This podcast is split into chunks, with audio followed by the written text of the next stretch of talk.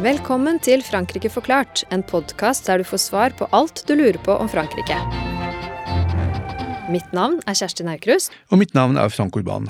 I dagens Frankrike forklart skal vi snakke om konflikt i Mali, og om Frankrikes rolle i den pågående militære operasjonen som har som mål å forhindre at jihadistiske grupper får varig fotfeste i landet.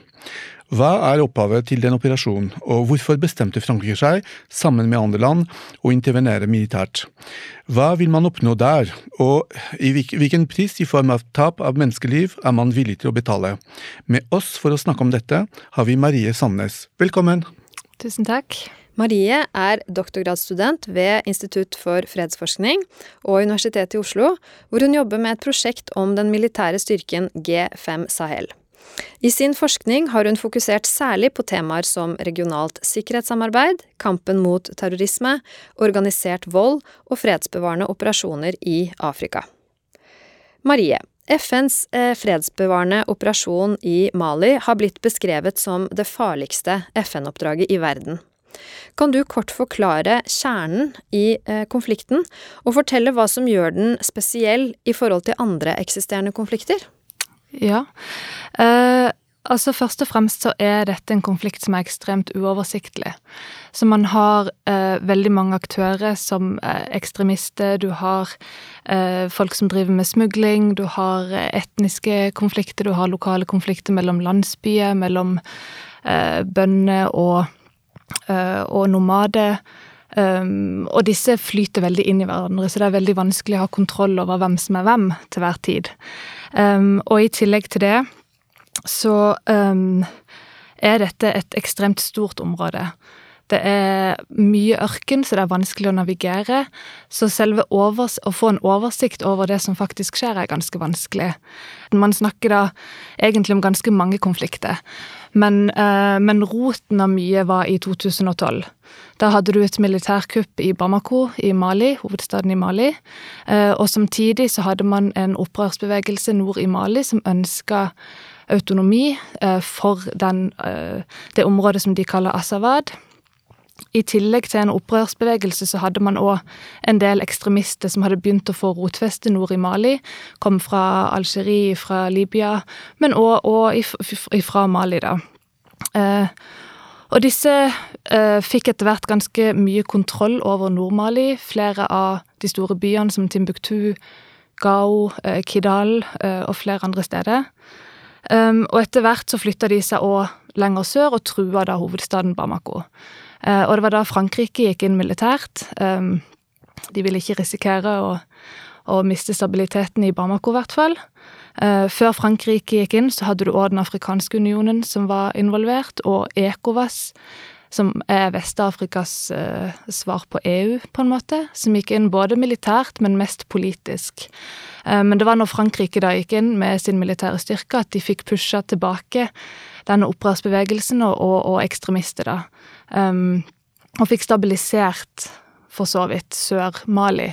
Men Nord-Mali ble likevel uh, et område der opprørsgrupper og ekstreme grupper har har fått en del rotfeste og har kunnet spredd seg både innad i Mali, lenger eh, mot, mot sentral-Mali, men òg regionalt til naboland.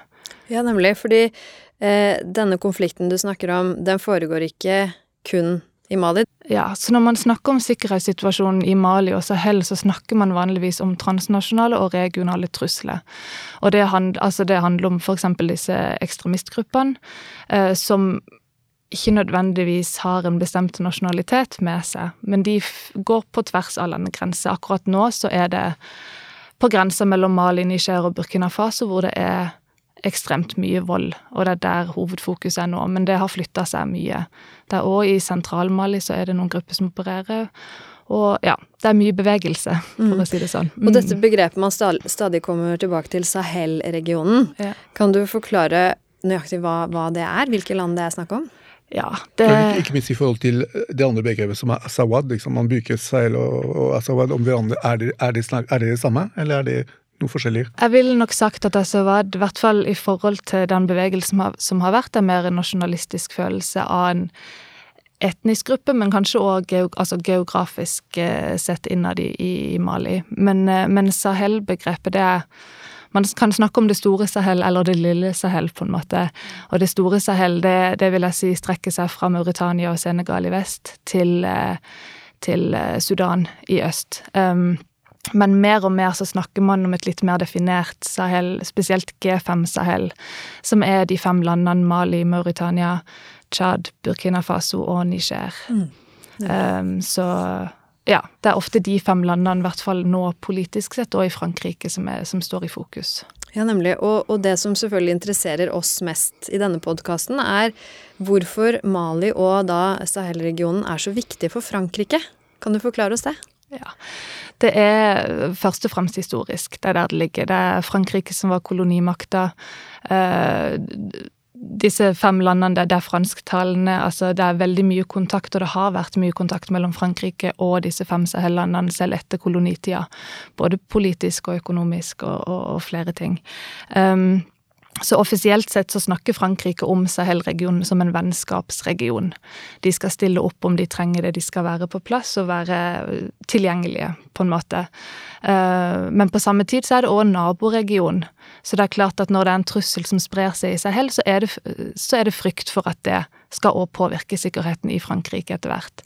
Både med tanke på ekstremisme og terrorisme, men òg migrasjon. Diskursen har vært ganske viktig her. Det er flere aktører som er innblandet i den konflikten. Den nasjonale frigjøringsbevegelsen av Asawad, MNLA, er en av dem. Islamistiske grupper som Ansadine er en annen. Er det flere aktører som er verdt å nevne? Mange.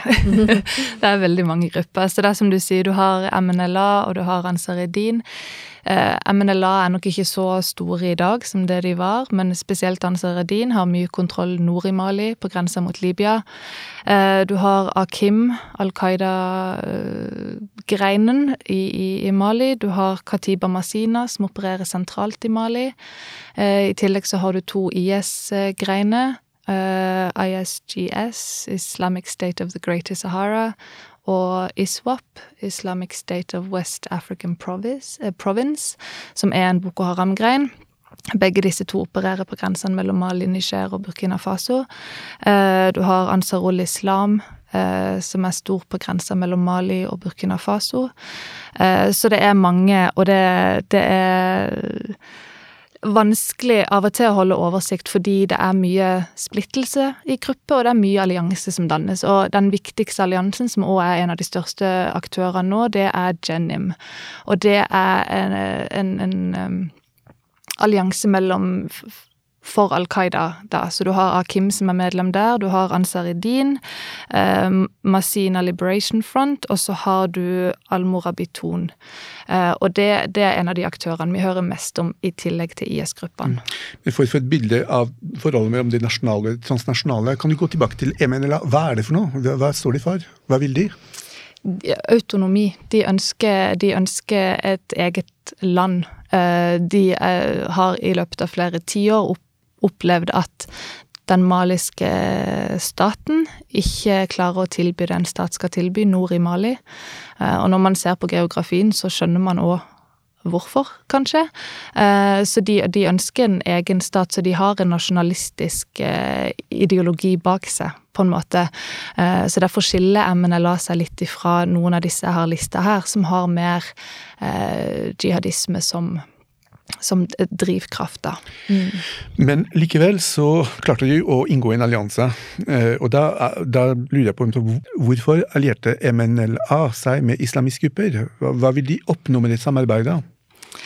Det er mange grunner til at, til at, flere grupper går sammen, og mye av det handler om styrke. Mye handler om makt, tilgang til økonomi, til våpen. Um, men òg altså litt sikkerhet for seg sjøl. Altså plutselig får de et mye større sikkerhetsnettverk og har mulighet til å utrette mer. Eh, men jeg tror òg en av grunnene til at MNLA spesielt ønska eh, eller gikk inn i samarbeider med noen av ekstremistgruppene, er jo fordi at flere av disse ekstremistgruppene har globalt omdømme. Så det er klart hvis de ønsker å fremme sin sak og gjøre den kjent, så er det en måte å gjøre det på òg. Eh, faren er jo at ekstremistgruppene tar over. Og det er vel kanskje det vi har sett en del av her. Etter hvert så brøt det også ut en konflikt da mellom, mellom disse ulike islamistgruppene som du, som du snakket om. Hva var årsaken til det? Ja, så mellom MNLA og, og Ansaruddin spesielt, da, så, så Ja. Sånne allianser dannes når man har en felles fiende, ikke sant. Du har For MNLA og Ansaruddin så var det staten Mali, på en måte. Eh, så, så, så, man får allianser og skaper en felles fiende. Men, men, når man ikke har samme mål, og ikke har samme agenda, så er det, så er det vanskelig å komme seg forbi. Og vi ser at Ansaruddin eh, fra 2012 trekte seg mer og mer mot en radikalisert måte å tenke på og, og, og handle på. Mens MNLA, selv om flere av de innad òg kanskje var mer radikalisert enn en, en, en eh, selve bevegelsen, så var likevel bevegelsen mer nasjonalistisk i, i, i identitet. I hele Nord-Mali, der eh, f.eks. en by som Timbuktu ligger, eh, så levde man da under islamistisk styre i, i flere år. Hva ble konsekvensene av dette for befolkningen? Ja, jeg kan ikke si veldig mye konkret om Timbuktu, men jeg kan si litt mer om islamistisk styre. Mm. Uh, og, og, og, før jeg gjør det, så, så, er det viktig å bare påpeke igjen det maliske styret, uh, og, og, hvilke mm, begrensninger de har hatt, spesielt nord i Mali, uh, i forhold til disse godene de skal yte med, med, tanke på helse, med tanke på utdanning, med tanke på skatt Eh, økonomiske situasjoner. Eh, så, så er mye av grunnen til at man har en bevegelse òg, er fordi at staten har ikke vært tilstrekkelig i forhold til disse punktene. Og da er det veldig naturlig at lokale aktører tar noen av disse administrerende rollene. Eh, og det gjelder òg en del ekstremistgrupper. Boko Haram er jo et eksempel på Boko Haram, du, De fleste. Al Shabaab i Somalia, mm. du har mange. Mm. Um, og det er, det er, en måte flere av disse gruppene opererer på. For å få støtte, så må de tilby noe, ikke sant. Eh, og, det, og, det, de ofte gjør, er at de tilbyr altså et økonomisk system med skatt som faktisk funker. De, de tilbyr medisiner til folk, hjelp, altså pengehjelp om det er noen som trenger penger. Eh, og, og, og, de har et system, da. Um, og selv om, selv om ting eh, vanligvis da styres under sharia, så er det mange som av naturlige årsaker opplever det veldig brutalt. Men det er òg forutsigbart. Så hvis valget står mellom uh, Altså det, det, for mange så er det ofte et valg mellom det vonde eller det verre. Uh, og da kan man gjerne velge det vonde så lenge det funker. Men la oss gå over til eh, de franske middagoperasjonene i Mali. I januar 2013 bestemte Frankrike, under president Francois Hollande, Eh, seg for å intervenere alene i Mali, etter at hovedstaden Bamako ble angrepet og nasjonale myndigheter ba om hjelp. Operasjon Serval ble da igangsatt som en fransk militæroperasjon som skulle hindre islamistiske opprørere eh, nord i Mali til å spre seg sørover. Den operasjonen ble avsluttet 15.07.2014 eh, og ble avløst av operasjon Bakkern i august 2014, som pågår fortsatt. Eh, per, per januar, altså 9. januar 2021 eh, så hadde den operasjonen kostet livet av 57 franske soldater. Jeg har ikke tall på hvor mange sivile som ble drept, men vi antar også at det var ganske mange sivile. Er det verdt det, eller hadde det vært verdt det, eh, og hva har man oppnådd med disse operasjonene? Det er jo et spørsmål som mange stiller, eh, og, og, det er lett å finne kritikk mot eksterne militære aktører i Mali om man ønsker det, men jeg tenker det er òg viktig eh, å stille spørsmålet hvor hadde vi vært i dag om Frankrike ikke hadde gått inn. Eh, og, og, og, jeg tror det vi kan si vi har oppnådd med det, er en situasjon som ikke er verre enn den vi har i dag. Selv om det er en veldig uoversiktlig eh, og voldelig eh, situasjon som er der nå, så er så fungerer Barkhan og, og, og, de maliske styrkene de fungerer som en slags buffer eh, mellom Sentral- og Nord-Mali og Sør-Mali for å holde Bamako trygt, da. Eh, men, men det er jo òg mange utfordringer med at det er Frankrike som har gått inn pga. kolonitida. Eh, i populasjonen så har man flere som anti, har antifranske holdninger. Eh, og dette er noe som ekstremistgruppene bruker veldig ofte i rekrutteringen sin. Så, men, men, det vi ser med Frankrike nå, er at du, du, sa helt riktig at Frankrike gikk inn alene i 2013, men det vi ser nå, er at Frankrike prøver mer og mer å gjøre den militære de militære operasjonene i Mali mer internasjonale, eller mer globale, og få flere aktører på banen. Og det ser vi med EU, som, er, som kommer mer og mer inn. Du har eh, Task Force Takuba, som ble lansert i fjor, som er en egen eh, militær operasjon mot terrorisme. da. Eh, USA har vært en del på banen og er en viktig samarbeidspartner til Frankrike. Spesielt med tanke på etterretning og bruk av drone i, i, i ørkenlandskap. Uh, men de har òg vært litt sånn på hold, spesielt kanskje de siste fire årene. Uh, men nå får vi se om, om ny president vil endre det. Uh, men, men de prøver å gjøre det mer internasjonalt, mer globalt. Og det er nok òg for at Frankrike skal kunne trekke seg litt ut etter hvert. Eh, så jeg tenker egentlig i prinsippet at det kan være en god ting, hvis man ønsker å få med hele befolkninga på det som skjer. Eh, men det er jo ekstremt krevende å skulle koordinere så mange forskjellige militære aktører som gjør det samme, men kanskje har forskjellige mål med å gjøre det. Ja. Nå har vi jo snakket om, om, eh, om, Frankrike, men de afrikanske landene spiller jo også en rolle i forsøket på å stabilisere Mali. Eh, I november 2015 lanserte lederne i Mauritania, Mali, Niger, Burkina Faso og Tsjad organisasjonen G5 Sahel. Hva er målet med denne organisasjonen, og hva kan de bidra med regionalt, tror du? Så du har, du har, flere regionale aktører som har vært involvert i Sahel-regionen. men Jeg nevnte AU og, og ECOWAS tidligere. Eh, men både AU og ECOWAS er ganske stort. Eh, så G5 Sahel-organisasjonen er retta spesielt mot disse G5-landene. Eh, og, og og det som denne organisasjonen først og fremst gjør, er at det skaper et sted hvor man kan ha politisk dialog om de forskjellige truslene man møter. Det var opprinnelig ment for en økonomisk, økonomisk samarbeid, men etter hvert har gått mye mer inn i sikkerhetssamarbeidet. Eh, og denne dialogen som denne organisasjonen skaper, er veldig viktig, for det har vært lite dialog mellom disse landene tidligere, og det er spesielt viktig med tanke på at truslene som vi snakker om i dag, blir klassifisert som transnasjonale og regionale. Så at det da er et samarbeid fra regionen eller subregionen da um, Tror, tror, jeg er, er, er veldig bra. Uh, og i tillegg, så i 2017 så, opple, uh, så oppretta de da denne her militære styrken, G5 Sahel-styrken, uh, akkurat for å skulle vise mer sikkerhetssamarbeid. Eh, og den, den, styrken består av 5000 soldater. De, skal, eh, de opererer på grenseområdet hovedsakelig for å adressere det transnasjonale. Så de eh, opererer på grensa mellom Mali og Mauritania, på grensa mellom eh, Mali, Niger, Burkina Faso og på grensa mellom Niger og Tsjad. Um, og så langt uh, så tror jeg ikke vi kan si at de har ek hatt ekstremt mye suksess. De blir kritisert for ikke å, å ha mer effekt enn det de har. Uh, men det, det, viser vi likevel en villighet til å prøve. Uh, og det er klart 5000 mann på et såpass stort geografisk område, det, det er begrensa hva man kan få til. Um, så, så, jeg tenker òg det er litt for tidlig kanskje å evaluere hvor langt den styrken kan ta oss.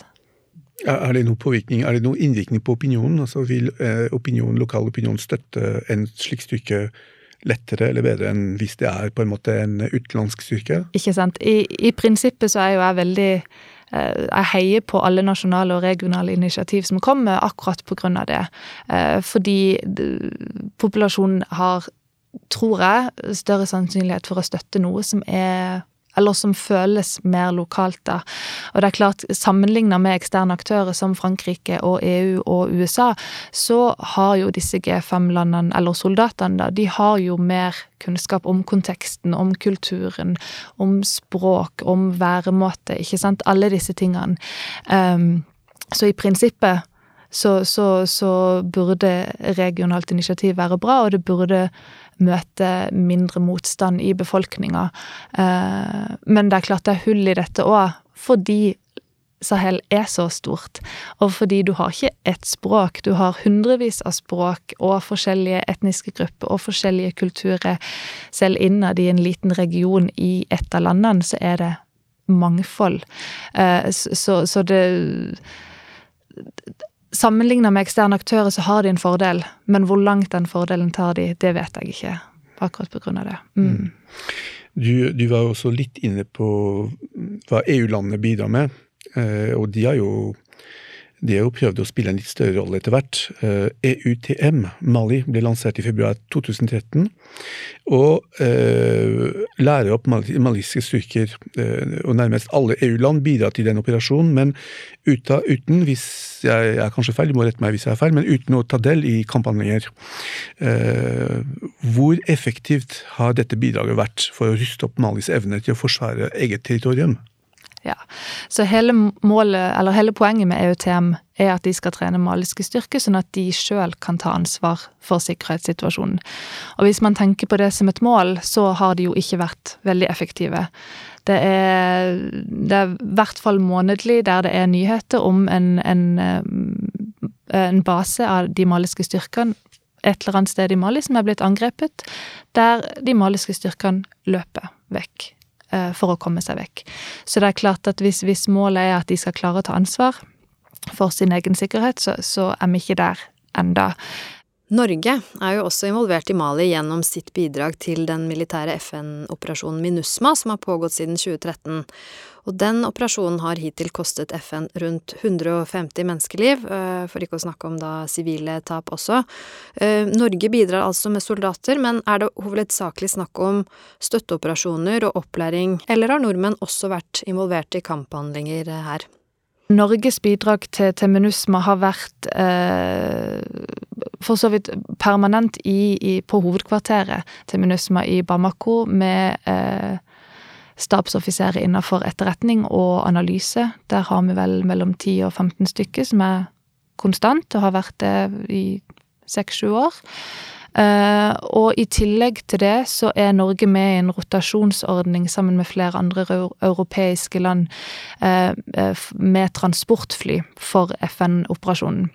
Og det vil si at i løpet av det er vel seks land som er med, så i løpet av tre år så har Norge da vært i Mali i seks måneder eh, og hatt med eh, transportfly som kan brukes for FN-operasjonene der. Offisielt sett så driver vi ikke med kamphandlinger. Uh, uoffisielt vet jeg ikke, men offisielt sett så gjør vi ikke det. Uh, og vi takker òg nei til å være med i denne Task Force Takuba-styrken i fjor. Hva er Task Force Takuba? Dette er en militær operasjon ledet av EU, eh, med Frankrike på sida, eh, som skal drive med noe av det samme som Barkhan gjør. Bekjempe terrorister. Det er hovedmålet. Eh, foreløpig så, så, har de blitt plassert i, i denne, dette grenseområdet mellom Mali, Niger og Burkina Faso. Jeg ser kanskje for meg at dette er og et forsøk på å internasjonalisere Barkhane hvis de da får inn si 700 soldater fra EU mer generelt, som er spesialstyrke, som har kapasitet til å bekjempe terrorister, så betyr det òg at Barkan kan trekke seg noe mer ut. Du, du, har jo en debatt hver gang det dør soldater, og det var jo fem stykker som døde for kort tid siden. Så mm. kommer uh, i hvert fall uh, det radikale venstre og det radikale høyre med kritikk mm. av uh, Frankrikes engasjement, og ber De forlanger faktisk en avklaring av hvorfor man er der, og hvor lenge man har tenkt å være der. Og det var det jo en stor diskusjon av i fjor òg. Da var det 13 stykker som døde i desember 2019, blir det. Det var ikke i angrep, det var en helikopterulykke, men det skapte òg masse diskusjon. Og da hadde man et møte, The, the Pause Summit, um, med G5-landene, men der Frankrike inviterte å lede, og mye av poenget med det var for å prøve å skape en åpenhet om, om hva vi faktisk gjør der, og hva vi bidrar til. Um, men, men, ja, det legges mye press på at de enten må forklare seg, eller så må de finne en annen løsning som gjør at ikke man mister soldater. Og at flere må bli med. Flere land. Flere andre land, absolutt. Der ligger presset. Mm. Fint. På, på, slutten av hver episode ber vi vår gjest om å komme med en fransk anbefaling. Hva er din anbefaling til våre lyttere, Marie? Jeg vil anbefale nyhetssida Skjønn Afrik. Det er en som jeg har fulgt i en del år nå, som jeg syns er For meg er det veldig enkelt og greit å lese, og jeg får nyhetsoppdatering hver dag. På, og de dekker hele Afrika. Uh, og det er en jeg bruker både holdt på å si, for privaten og, og for jobb. Mm. mm. Godt tips. Kjerstin, har du en liten anbefaling? Ja, jeg vil gjerne anbefale en fantastisk musikkduo fra Mali som heter Amadou i Mariam. De spiller utrolig fengende musikk og synger både på fransk og bambara.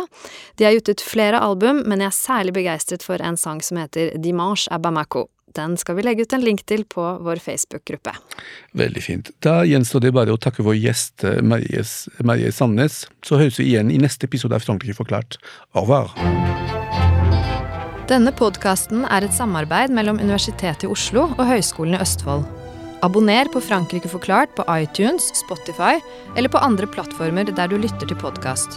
Har du kommentarer til oss eller forslag til temaer vi bør ta opp, kan du sende inn det via vår Facebook-side Frankrike forklart. Her vil du også finne informasjon om dagens episode.